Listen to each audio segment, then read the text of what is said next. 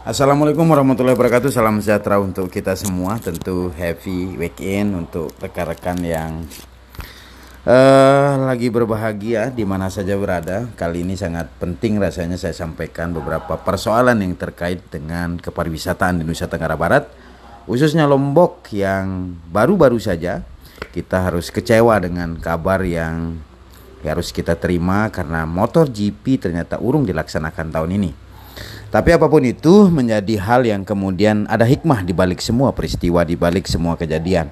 Artinya ini menjadi kesempatan kita bersama untuk membenahi hal-hal yang belum terbenahi. Untuk kemudian mengkoordinir hal-hal yang belum kita koordinir.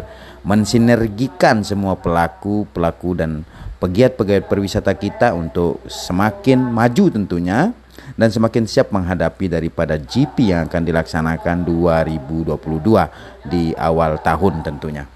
Baik rekan-rekan, melalui podcast saya kali ini saya ingin mengajak rekan-rekan untuk tetap optimis, tetap dengan protokol kesehatan, mencuci tangan, memakai masker dan menjaga jarak, menghindari kerumunan karena penyebaran Covid itu sendiri sampai saat ini masih di angka yang tidak terlalu turun signifikan. Rekan-rekan yang berbahagia tentunya di malam minggu ini, saya Loza Abdul Majid yang biasa dikenal dengan sekotong mendunia lembar menggoda, undur diri dari ruang simak rekan-rekan. Terima kasih atas segala perhatiannya. Assalamualaikum warahmatullahi wabarakatuh.